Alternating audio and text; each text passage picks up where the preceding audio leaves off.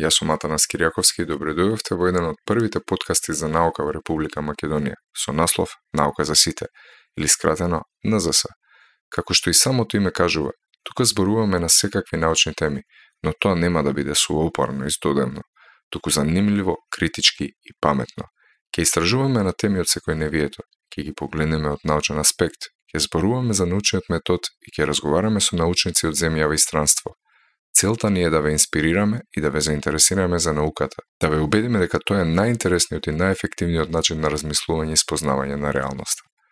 Во првата епизода на Наука за сите разговараме со еден од најцитираните македонски научници, професор Златко Трајановски, кој што е долгогодишен шеф и професор во дивизијата за биоинформатика при Медицинскиот универзитет во Инсбрук, Австрија, и чија специјалност припаѓа во полето на компутационата геномика. Недома професор Трајановски одржа предавање во Македонската академија на науките и уметностите на тема пресметување и продирање во имунитетот на ракот. Неговата лабораторија досега публикувала 118 оригинални трудови на оваа тема и 13 ревизиски трудови во најреномираните светски научни списанија. Сите трудови заедно досега биле цитирани преку 11.000 пати. Со него во првата епизода на Наука за сите зборуваме за најновите откритија во молекуларната биологија на ракот и развивањето на нови терапии против истиот кои што го искористуваат потенцијалот на нашиот имунитет. И ова сето професор Трајановски го истражува со помош на суперкомпјутери. Тој во оваа епизода стрпливо, јасно и љубезно раскажува за генетиката и геномиката, за огромните компјутерски датабази кои што го содржат човековиот код, за способноста на имуниот систем да навлезе во ткивото на ракот, за светските трендови на персонализирана и прецизна медицина, за можните кариери во неговата лабораторија и така натаму. Во името на наука за сите и во моје лично име му се заблагодаруваме за одвоеното време меѓу милиардите обврски кои што ги има во текот на денот за денешниот разговор преку Skype и сигурни сме дека повторно ќе имаме прилика да научиме уште повеќе од професор Трајановски за најновите технологии и терапии за лечење на ракот. Уживајте!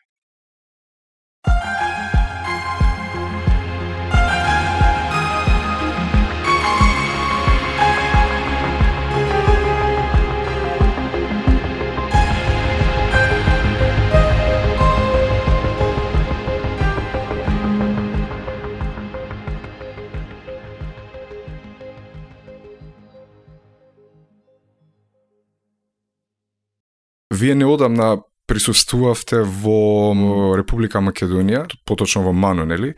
А, каде што одржите предавање во Истражувачкиот центар за компјутерски науки и информатички технологии а, на тема Computing and Probing Cancer Immunity. Ако не се лажам, за жал јас не бев во можност поради работни обврски да присуствувам, но нашиот заеднички пријател и колега Никола Стиков а, не поврза и ни овозможи да разговараме малку повеќе токму на оваа тема. Па најпрво би ве замолил да се, нели, накратко да се представите и да ми кажете мене и нашите слушатели што истражувате и зошто го правите тоа. Добро. А, јас сум јас сум роден во Скопје и а, завршив гимназија во Скопје и после 83 година отидов во Австрија да студирам а, биомедицинска техника тоа време биомедицинска техника беше околу 70% електротехника и 30% биомедицински науки, како физиологија, биохемија и тие работи. Кога завршив, одма почна со докторска работа и за докторската работа развивавме а, не знам како се вика на македонски, artificial pancreas. А, вештачки панкреас. Вештачки да, панкреас. би му дошло така некако. Да. Идејата беше да се мери а, шеќер не во крв, него во а, interstitial fluid, како се вика, течност меѓу клетките. Интестинална течност, така најверојатно. Интестинална течност, да. И со сензори и после а, да се преработуваат податоците и со компјутер после да се регулира колку инсулин се шприца. Така, за тоа време почнав а, во тој правец да се занимавам и после отидов а, во УСА, бев на Yale University година и пол и работев во тој правец а, диабетес мелитус. После од Јејл се вратив а, во Австрија и 99 година хабилитирав за биомедицинска техника и тоа време почнав да се занимавам со биоинформатика. А за биоинформатика е а, нова област а, кај што се поврзува молекуларна биологија со информатика. И тоа време почна многу да се развива дека во годината 2000 2001 а, The Human Genome Project а, заврши или беше при крај, така да сите генетски податоци за човекот беа познати и требаше а, експерти и алати за да може со овие податоци да се работи.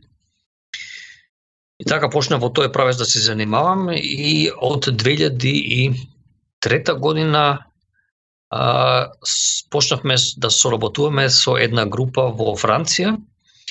Во тоа време а, тие беа првите или едни од првите групи што а, гледа во ракот какви се имунските а, клетки. Така да цела онкологија до тоа време беше повеќе генетички ориентирана и многу малку имунолошки. И оваа група беше прва или од првите што почна со имунолошките карактеризации на ракот да се занимаваат. И со нив почнавме а, оваа соработка, така да ние ги добивме податоците од нив, развивавме бази за податоци, ги анализиравме а, резултатите и ги визуали, визуализиравме резултатите. И а, најважното што го најдовме со овој, во овој проект беше дека специфични имунски клетки, ако влезат во ракот, тие пациенти што ги имаат тие специјални клетки имаат многу подобар подобра прогноза. Така да пациенти што имаат малку од овие специјални клетки многу полоша прогноза имаат во споредба со пациенти што имаат многу повеќе од овие клетки. Така, во мојата подготовка за, за, за ова интервју со вас, а, дојдов до оно што е најактуелно нели, во, во овој момент а, и тоа покажува дека вашата работа е на, на вистина актуелна и на вистински пат, е тоа што да. оваа година Нобеловата награда нели, за физиологија и медицина беше доделена токму а, за, на, на двајца нели, научници, Джеймс П. Елисон и Таско Хонджо, ja. а, американец и ja. јапонец, кои што токму истражуваат и, и воведуваат нова парадигма нели, во, во истражувањето, па се надавам понатака и во лекувањето на, на, на ракот, а, тоест го вклучуваат и го употребуваат, тоест човековиот имун систем и го активираат токму да се бори против ракот со тоа што а, исклучуваат одредени негови кочници, ако добро го разбрав да. во тој процес. Точно. А, и тоа, а, а, тоа, тоа е откриено нели типично од а, овие молекуларни биолози и генетичари и да. сега да. вашата лабораторија во Ин, Ин, Инсбрук, така се викаше, да, и во Инсбрук, а, а, работи понатака на откривање, ако не се лажам, на интеракциите помеѓу човековиот имун систем и клетките на ракот. Да, Тоа е точно.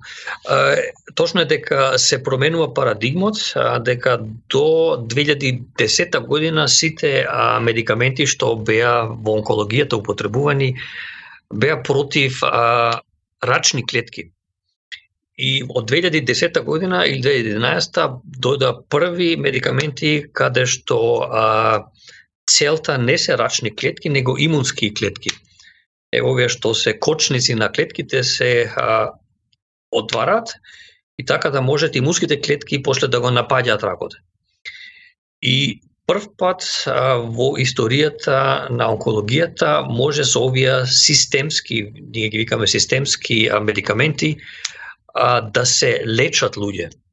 Дека до сега сите овие медикаменти што биле а, на пазар само го продолжуваат животот во просек неколку месеци или неколку години, зависи во кој, во кој дел, али ако се користат имунските клетки може и да се лечи.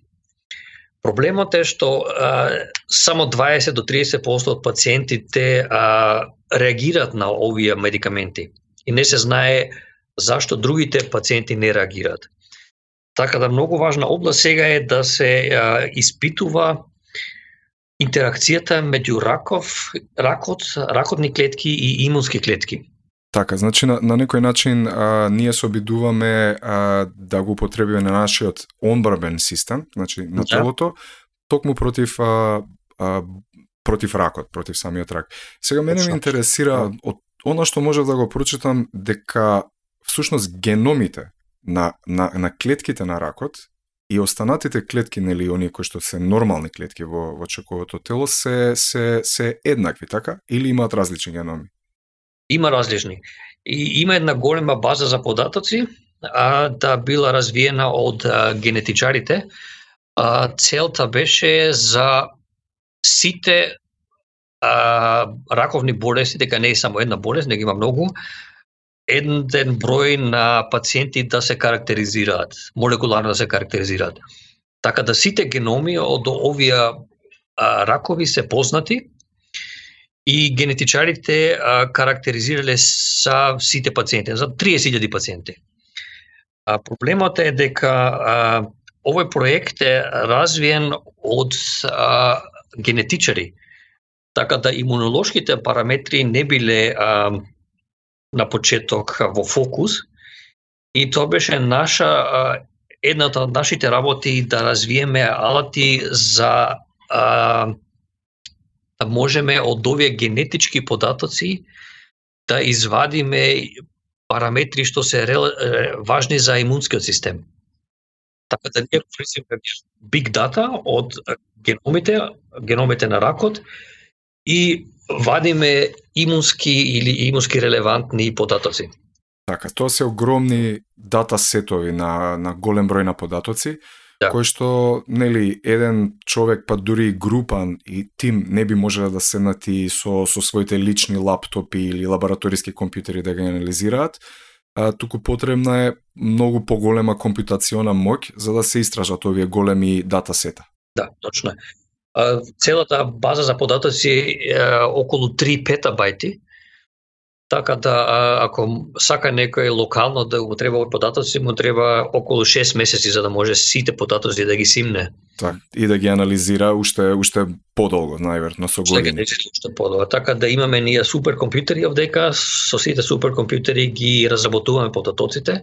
Имаме развиено специјални алатки и ние викаме ние не само алатки, него и а, аналитички а, водови, analytical pipelines.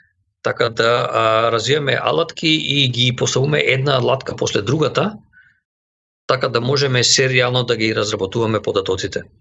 Така, сето ова спаѓа во, во полето на компјутациона геномика, така? Да. Во, во на што го работите. А, може ли накратко само да го дефинирате терминот компјутациона геномика за, за оние кои што го разбираат помалку. Што е разликата помеѓу геномика и генетика во принцип? А, генетика се занимава само со а, мал број на гени, а геномика со сите гени во а, човекот. Така генетичарите ќе земат или еден или два или мал број на гени, а во геномика сите гени заедно се анализираат а ние околу секој човек има околу 22.000 гени. Она што го започна нели овој дел од од разговорот беше доколку одредени видови на рак а, имаат различни геноми од да. а, имуниот систем или од останатите клетки на телото, а, зошто тогаш а, имуниот систем самиот по себе не е а, способен да ги препознае? Зошто а, не е способен да се активира до оној степен на кој што посакуваме без еве ваква наша или научна интервенција? А, се ние различуваме дека имунскиот систем може да го запознае ракот и ако ќе го запознае после а, ќе го а, победи, али ние не можеме да го мериме ова дека не го видиме. Тек кога ќе биде имунскиот систем а, послаб, тек тога почнуваш почнува ракот да се развива. Така да оваа фаза кога имунскиот систем е појак од ракот, не можеме да мериме дека не го гледаме од надвор. А имунскиот систем кога е послаб, ќе се развива ракот и а, сега е важно да се најде за, зашто имунскиот систем е послаб и како може да се а, стимулира за да може да го победува ракот. Така и тука е токму вашиот допринос преку анализирање на разни варијабли кои што се вклучени во овој проблем, така и со анализа на на тие огромни дата дата сетови за кои што да. нели да. спомнавме. Е сега во во принцип на на на, на работа нели на на вашиот модел кои варијабли се се се токму битни? Нормално се разбира, значи информацијата од геномот, така? Да. Која што најверојатно се споредува со одредени генетски и геномски датабази.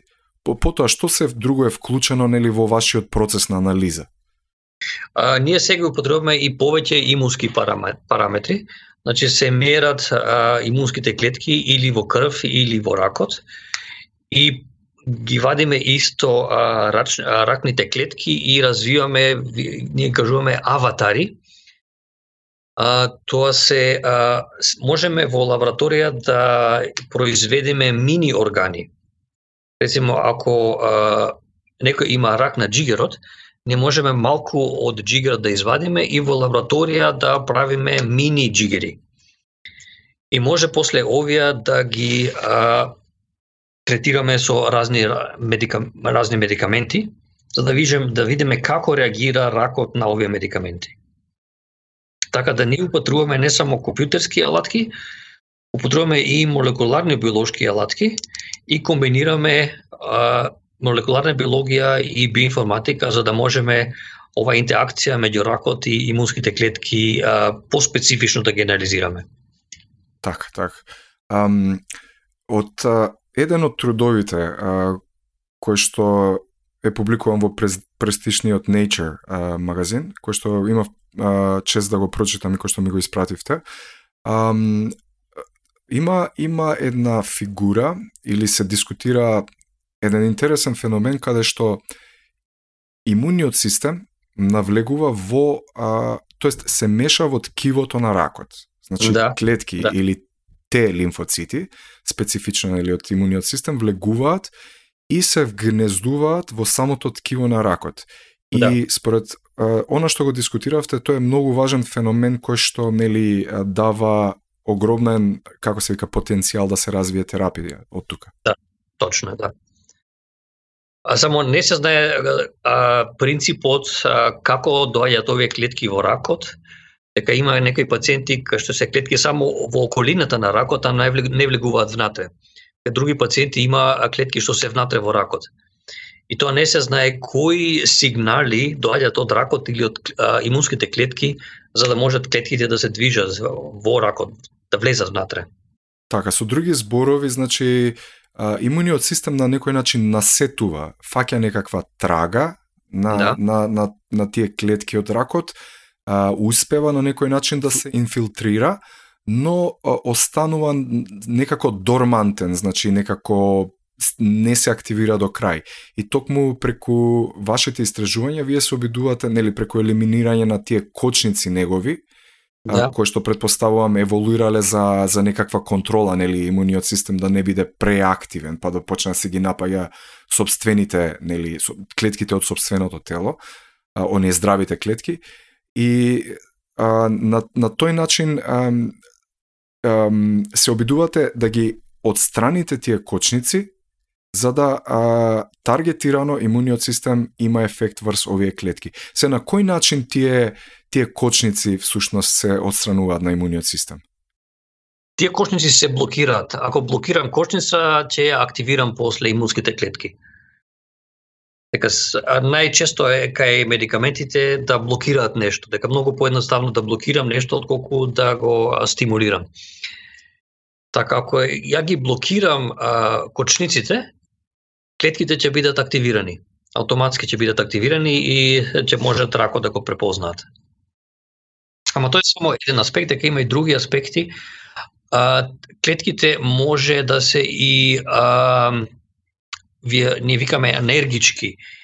А, така да а, и ако се а, кочниците а, блокирани, некако а, не можат а, многу се слаби или метаболички слаби или на друг начин, така да не можат да бидат ефективни. и овие се други аспекти што се испитуваат сега во многу лаборатории. Така, значи, та, а, а, она, мислам, тие кочници се блокираат преку администрирање на, на некаква терапија? Да, терапијата се а, анти, анти, анти, antibodies. За совнесување на анти, антитела, на македонски би било. Антитела специфични за овие кочници се. Значи, сам, само да појасниме, антигени се а, оние молекули кои што а, телото ги детектира како како туги и се обидува нели да ги атакува, да ги да, да ги отстрани. Додека антитела се молекули или протеини а, кои што кои што имуниот систем ги создава со цел да ги нападне тие антигени. Така, ако не ако така. не се лажам. За оние што што помалку се информиране да. на таа тема и а, тие антитела всушност а, а, спаѓаат во она што се нарекува immune checkpoint therapy, ако ако тоа е вистинскиот израз или Тие антитела а, што се употребуваат во онкологијата сега, тие се чекпоинт а, а, блокас, тие се вештачки. И тие се дават на пациентите и овие вештачки антитела ги препознаваат специфичните кочници на имунските клетки. Така да тие не се во не се веќе од тие ги нема во пациентите, тие се вештачки и со нив се стимулираат клетките. Некој вид на на на маркери или Не, тие се антитела. Антитела кои препознаваат а, специфични молекули. А молекулите се CTLA4 и PD1. Тие се два специфични молекули, тие се кочниците на клетките, на имунските клетки. И овие антитела што се дават, тие се инфундираат во вените и ги наоѓаат специфичните молекули и ги блокираат. Кога ќе ги блокираме овие кошници, а, имунските клетки се активирани и а, затоа можат да го препознаат ракот и се ефективни за ракот. Ката, значи токму тие вештачки антитела се всушност а, она што ги блокира специфичните а, почници, да. почници на, на, на имуниот а, систем. А, така, а, да, се, се, да ве прашам, а, до сега, мислам, колку колку се покажало дека овој вид на на на приод, нели на активирање на, на имуниот систем вака генерално во бројки или во во во споредба колку е ефективен во споредба со останатите методи на, на, на лечење на рак, нели, кои што се во употреба сега, како што се, нели, одстранување на самото ткиво, радиотерапија, хемотерапија и така натаму. Во споредба со нив, колку е ефективен овој нов пристап во лекувањето? Не може да се спореди со другите дека а, кемотерапија или радиотерапија се употребуваат а, на почеток кога ќе дојде болеста. Овие медикаменти се употребуваат на крај, кога сите други терапии не работат веќе, кога пациентите се на крај, значи во последниот дел се употребуваат овие а, имунски терапии е ако се спорат имунските терапии со слични терапии, ние ги викаме а, targeted therapies, а, многу поефикасни се затоа што како што кажав, овие што се другите терапии пациентите пациентите имаат а, во просек бенефит од а, околу два месеци. Верент а, а, и за имунските терапии бенефитот е до нема многу долги студии, али повеќе од 10 години. Така се поефикасни од од овие други а, медикаменти што се употребуваат. Али не може да се спореди со радиотерапија и со кемотерапија, дека тоа е сосем друг а, причин. Дали на некој начин ам, рак, ракот, нели, самиот, ам, самата појава на ракот еволуирала а, способност а, бидејќи нели еве се постанови дека дека имуниот систем има до некаде способност да инфилтрира, да детектира клетки на рак, но му треба наш поттик малку, нели, да го откочиме за да почне да да ги атакува, да биде пофункционален. А, дали тоа е индикатор на тоа дека можеби ракот еволуирал некакви способности да го да го стиша имуниот систем од активација? Да, има и такви концепти, али не се знае точно за кои пациенти или за кои специјални ракови таква ситуација може да, да, да стане. А, ние, наше, а, нашиот модел е дека секој пациент е специјален. Така ние мораме да ги испитуваме пациентите а, индивидуално. Дека не можеме да а, правиме универзални модели, дека профилите, генетички профили на ракот се многу различни од еден до друг пациент. И од генетичките профили доаѓаат после имунските профили, тие се многу различни. И интеракцијата е зеја специјална, така да ние мислиме дека секој пациент мора индивидуално да се анализира и терапијата мора индивидуално да се напасува.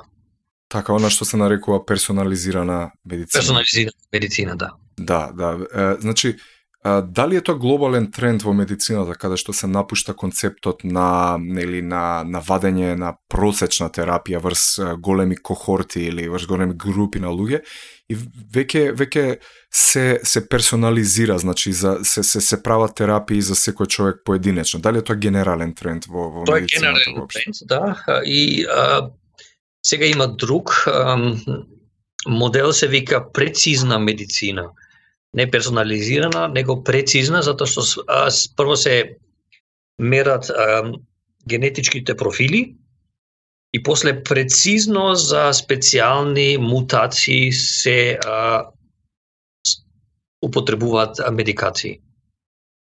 Така, тоа предпоставам инволвира и техники на на прецизно уредување на на геномот како што се CRISPR Cas9 и така натаму.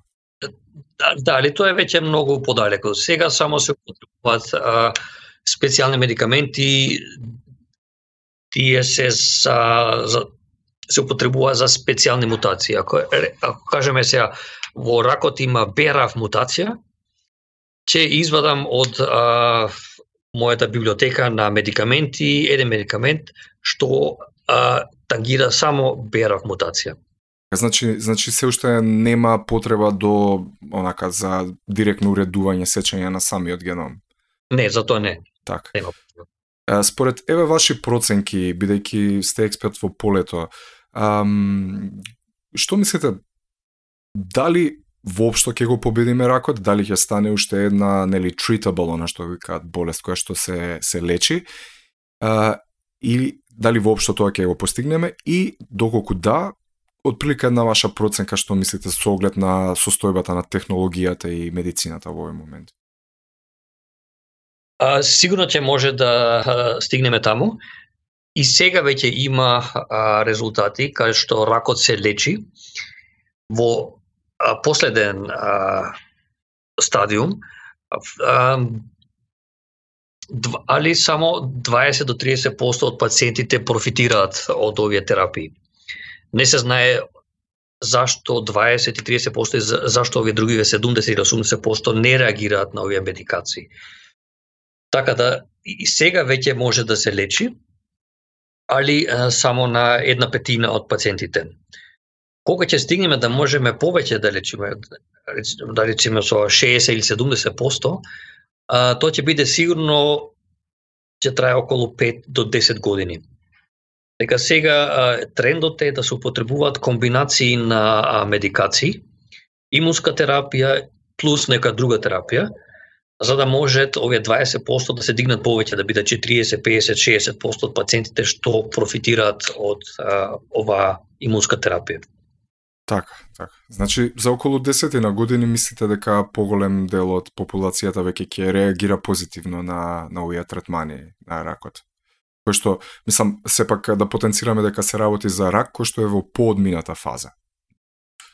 Во однос на, на оној голем датасет на податоци кој што го употребувате а, и употребувате суперкомпјутери во, во, во, во, нели, во тој контекст, а, yeah. Употребувате разни алгоритми и разни типови на софтвер кои што предпоставам ги развивате вие и сродни лаборатории од овој тип. Да. А, и сега ме интересираше колку а, кон, концептуално, значи а, делот таа анализа е, е, е ја представува машинско учење. А, сега за сега не е многу, дека а, веројатно помалку од 5%, а, затоа што имаме многу податоци, али за машинско учење треба уште многу повеќе податоци. Така да може само специфични прашања а, да се адресираат со а, машинско учење. Во овој во овој момент. Во, во наша област, да. Да, значи сега се користат повеќе онака ајде да речам покласични методи на компјутерска анализа. Так, Логична регресија так. или а, слични а, алатки, али машинско учење уште не се користи толку многу. Така, или, или онака полајчки кажано, луѓе го мислат проблемот и го анализираат, се уште не го анализираат машините за нас. Да. Така, така, така. така. Во, во, во процесот на читање на трудовите забележав две-три имиња кои што звучаа македонски, а, тоа се, предпоставам, а, наши научнички Да, тие беа кај мене, а, а, кај мене направија докторски работи Михаела Ангелова и а, Милијана Ефремова. Тие двете студира во Скопје на информатика, ми се чини, или електротехника, на информатика. И кај мене, после магистерската работа, дојда кај мене да направа докторска работа. И тие две направија докторски работи и сега едната а, Михаела е во Париз и другата а, Милјана е во Кембридж, UK. Одлично.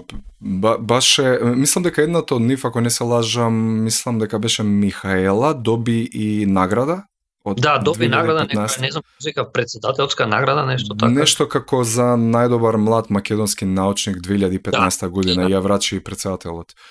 Да, да, нешто. Е сега ова го спомнав исто од еден многу интересен аспект. А, нели е, и двете практично имаат завршено а, едната има компјутерски науки, другата има електро, ако не се лажам, така. Ам, но сепак работат во полето на, на, на биологијата. Да. И тоа е еден интересен кросовер или дополнителна инспирација и идеја за многу еве идни студенти на овие нели технички а, а, универзитети да се да. обидат понатаму да си ја градат кариерата токму во полето на молекуларната биологија, да речеме. Да, точно. Нас не, имаме многу голема потреба од експерти од информатика што се занимаваат со медицински и биолошки проблеми. Дека имаме многу податоци и тие податоци треба да се анализираат со многу различни а, алатки. И ние бараме цело време а, студенти или а, постдоктори а, кои се занимаваат во таа област. Само многу тешко е да се најдат такви луѓе. Типично кој би бил профил на на на таквите луѓе? Значи би требало да имаат завршено што и би требало да имаат каков вид на ете научни истражувачки вештини? А, треба да има завршена информатика или компјутерска наука, било како, и да се да се интересираат за биомедицина. Тоа се тоа е се. А ние ќе им кажеме после што треба да се учи, а, кои специјални области од биологијата или медицината треба да се поднаучат и тоа е дел од тренингот така кога ќе се тука кај нас учат многу други работи, али треба да донесат експертизата за а, информатика. Так, а, а зошто што, што мислите зошто е проблематично да се најдат а, така луѓе кои што би направиле кросовер? А, затоа што многу од овие студенти што се што учат информатика и што завршуваат информатика се занимаваат со машинско учење и тоа иде во други области, како е веша Facebook, Google што употребуваат или а, автономско возење со коли. Така да има многу а, компании што а, агресивно барат луѓе во таа област. Има има доста побарувачка, има доста голема има конкуренција доста во однос на тоа. Амхм. Да, но ете, тоа е навистина добра идеја за сите оние кои што ете после своето дипломирање се, се запрашуваат нели како да продолжат понатаму.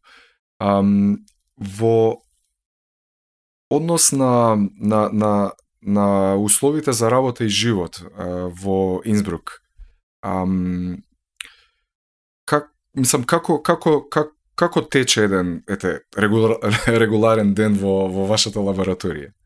А, кај мене или кај колегите? Кај мене ја работам повеќе, а, не работам многу научно, читам многу списанија и пишувам проекти, а, имаме многу состаноци кај што податоците се дискутираат, нови проекти, нови идеи се дискутираат.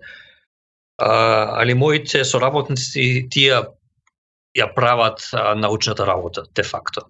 А колку колку постдокторанти имате во моментов во лабораторијата? А, сега сме 18 луѓе, од тие 18 се две третини се постдок соработници, значи околу 12 и 6 се дисертанти. Се укажува на фактот дека има доста активна онака техничка работа во процесот на истражување. Да, да, има многу техничка работа, да. Кога би се обиделе да остварите соработка со некој институт во Република Македонија, дали воопшто ние имаме некој си таков ете фасилити или некаков институт кој што би можел да да придонесе во контекст на оваа работа? Да, има некои работи кои а, не, не им треба многу голема технологија, некоја специјална технологија. А, повеќе е експертизата или а, искуството али ние можеме сигурно да соработуваме со информатичарите. Нека тие имаат специјално искуство или специјални алатки што нас не требаат. И ние ќе почнеме и, и не само што ќе почнеме и почнеме веќе и со други, а то соработуваме со Љупчо Коцарев, дека неговата група има многу интересна експертиза на што ни треба. А, во однос на, еве веќе неколку пати споменавме, а, а, как, како рековме, подготовка на податоци. Дали да. тоа значи дека ам, оној фонд на податоци со кој што располагаме сега е прилично неусогласен, при, прилично диверзитетен од не знам од различна лабораторија до до друга некоја лабораторија од една дата база да. до друга дата база и предпоставам голем дел од вашата работа се состои токму во организирање на тие податоци и адаптирање на истите за да бидат подлежни за анализа. Да, тоа е. Тоа е голем голема работа. А, има многу бази за податоци, многу се хетерогени, диверзифицирани и тешко е да се интегрираат. Така да голем процент од нашата работа е преработка на овие податоци и интеграција на податоци од различни а, бази што ги вадиме. И тоа е, може да се каже, најголемиот проблем сега за сега да овие податоци да се интегрираат. Така, да се интегрираат, да се организираат, но, но компјутерската моќ пред се, веќе технологијата е на ниво каде што а, имаме доволно сила да ги процесираме тие податоци, така? Да. Тоа не е лимитација. Лимитација е организација на податоците и преработка на податоците да може да се интегрираат. Аха, според вас, зошто, зошто постои овој проблем до овој степен? Е, што медицината е а, многу подругачија од, да кажеме, електротехника. Дека податоците што ние ги добиваме се многу а, подруги по квалитетот и по квантитетот од а, автоматизација индустрија дека работиме со луѓе. Има голема вариабилност во Има голема податоци. Вариабилност и не може многу податоци од еден човек да се земе, дека има лимитации колку крв може да се извади, колку ткива може да се извади, кои анализи може да се направат. Така да многу подруга ситуација во споредба со индустрија или автоматизација. Така, не, а, а, не е тоа проблем кој што произлегува од од компетитивноста на лабораториите кај што секој сака, нели сака да промовира еден концепт, туку повеќе од а, вариабилноста на самата проблематика. Да, да. Е уште накратко да ве прашам бидејќи ова оди за, за, за подкаст, а, кој што е дел од една така поширока научна веб страна, кој што се вика Наука за сите а, во Република Македонија. И сакав да ве прашам, дали вие сметате дека науката е за сите? Тоест, дали секој може да биде научник или дали секој може воопшто да ја разбере науката? Што мислите? Um, не може секој да биде научник, тоа е како и во спортот. Има некои кои се повеќе талентирани, некои се помалку талентирани. А, некои се имаат генетички подобри а, профили за некои специјални спортови. Некој не може да биде кошаркар ако е помал човекот. И слично е исто во науката. Треба а, определена генетичка предиспозиција, да кажеме вака и треба а, талент, али треба и многу да се издржи дека науката е не е нешто што се прави а, од одма, дека треба многу а, време да дојде до тој да може да се адресираат некои научни проблеми. Прво треба да се студира, после иде човекот на постдипломски студии, 2, 3, 4, 5 години, после се специализира во нека област, така да целата едукација е сигурно околу 20 до 25 години. Така, бара, бара е талент и бара и доста на работа и откажување. Така е. Mm -hmm, mm -hmm.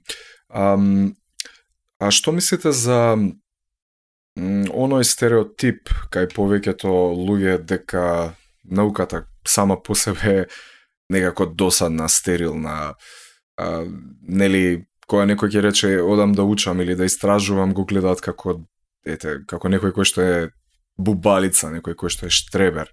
А, како, како вие размислувате на таа тема? Зошто постои воопшто таква перцепција за, за научниците?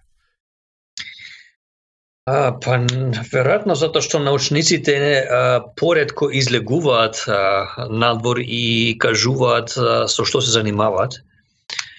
Така да веројатно од таа страна доаѓа оваа перцепција. Ние треба поактивно да излегуваме и да идеме на телевизија, на весници, да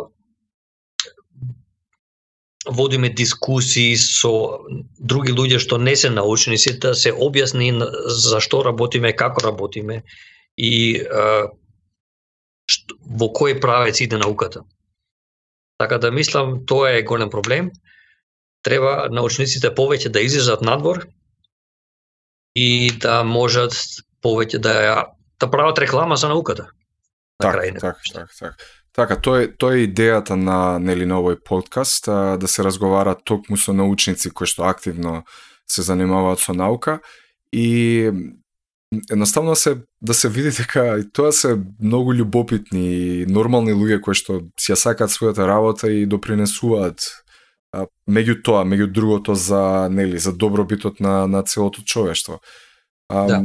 И занимајка и, и занимавајќи се со наука лично јас, значи го разбирам потполно тоа колку може да биде интересен самиот процес а, на а, истражување на одредено прашање за кое што знаете дека никој нема одговор конкретен во моментот. Има некои предпоставки, има неколку теории или објаснувања кои што се обидуваат да го објаснат тоа, но знаеме дека никој со сигурност не го знае одговорот на прашањето и навистина интересен самиот процес на истражување на, на еден таков проблем. Би се сложиле? Да. Да, да. Се сложувам. Од прилика тоа би било тоа да сумираме дека дека стварно е прекрасно да се слушне дека а, веќе сме на трагот на ракот, на, на лечење со помош и тоа на, на нашиот вграден одбрамен механизам, тоест нашиот имун систем и тоа е прекрасно да се слушне и според вас прогнозите се оптимистички. Да. А, и а, се надевам дека во блиска иднина ќе гледаме на ракот токму како ете како на настинка, како нешто кое што нели треба да се испие една-две недели некаква терапија која што ќе ни а, помине. Да, за некои специјални а, ракови и сега е веќе таа ситуација, али ќе треба да се развие понатаму за да биш, за да биде и за многу повеќе групи од ракови и за многу повеќе пациенти. Уште еднаш, навистина ви благодарам за, за одвоеното време. Се надевам ова нема да биде наш последен разговор. Научев многу работи од вас. и, и се надевам повторно ќе имаме прилика да разговараме па и за, за, за вашите најнови специфично нека видите тоа еден подкаст за наши, за вашите нај, најнови а, пронаоѓања и уште наш навистина ви благодарам, не би ве задржувал понатака.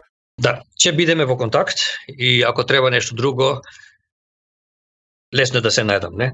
Да, да. Сега го имам вашиот контакт. Навистина ви благодарам и ви посакувам успешен состанок подат. Фала многу и се слушаме, остануваме во контакт. Голем поздрав. Поздрав.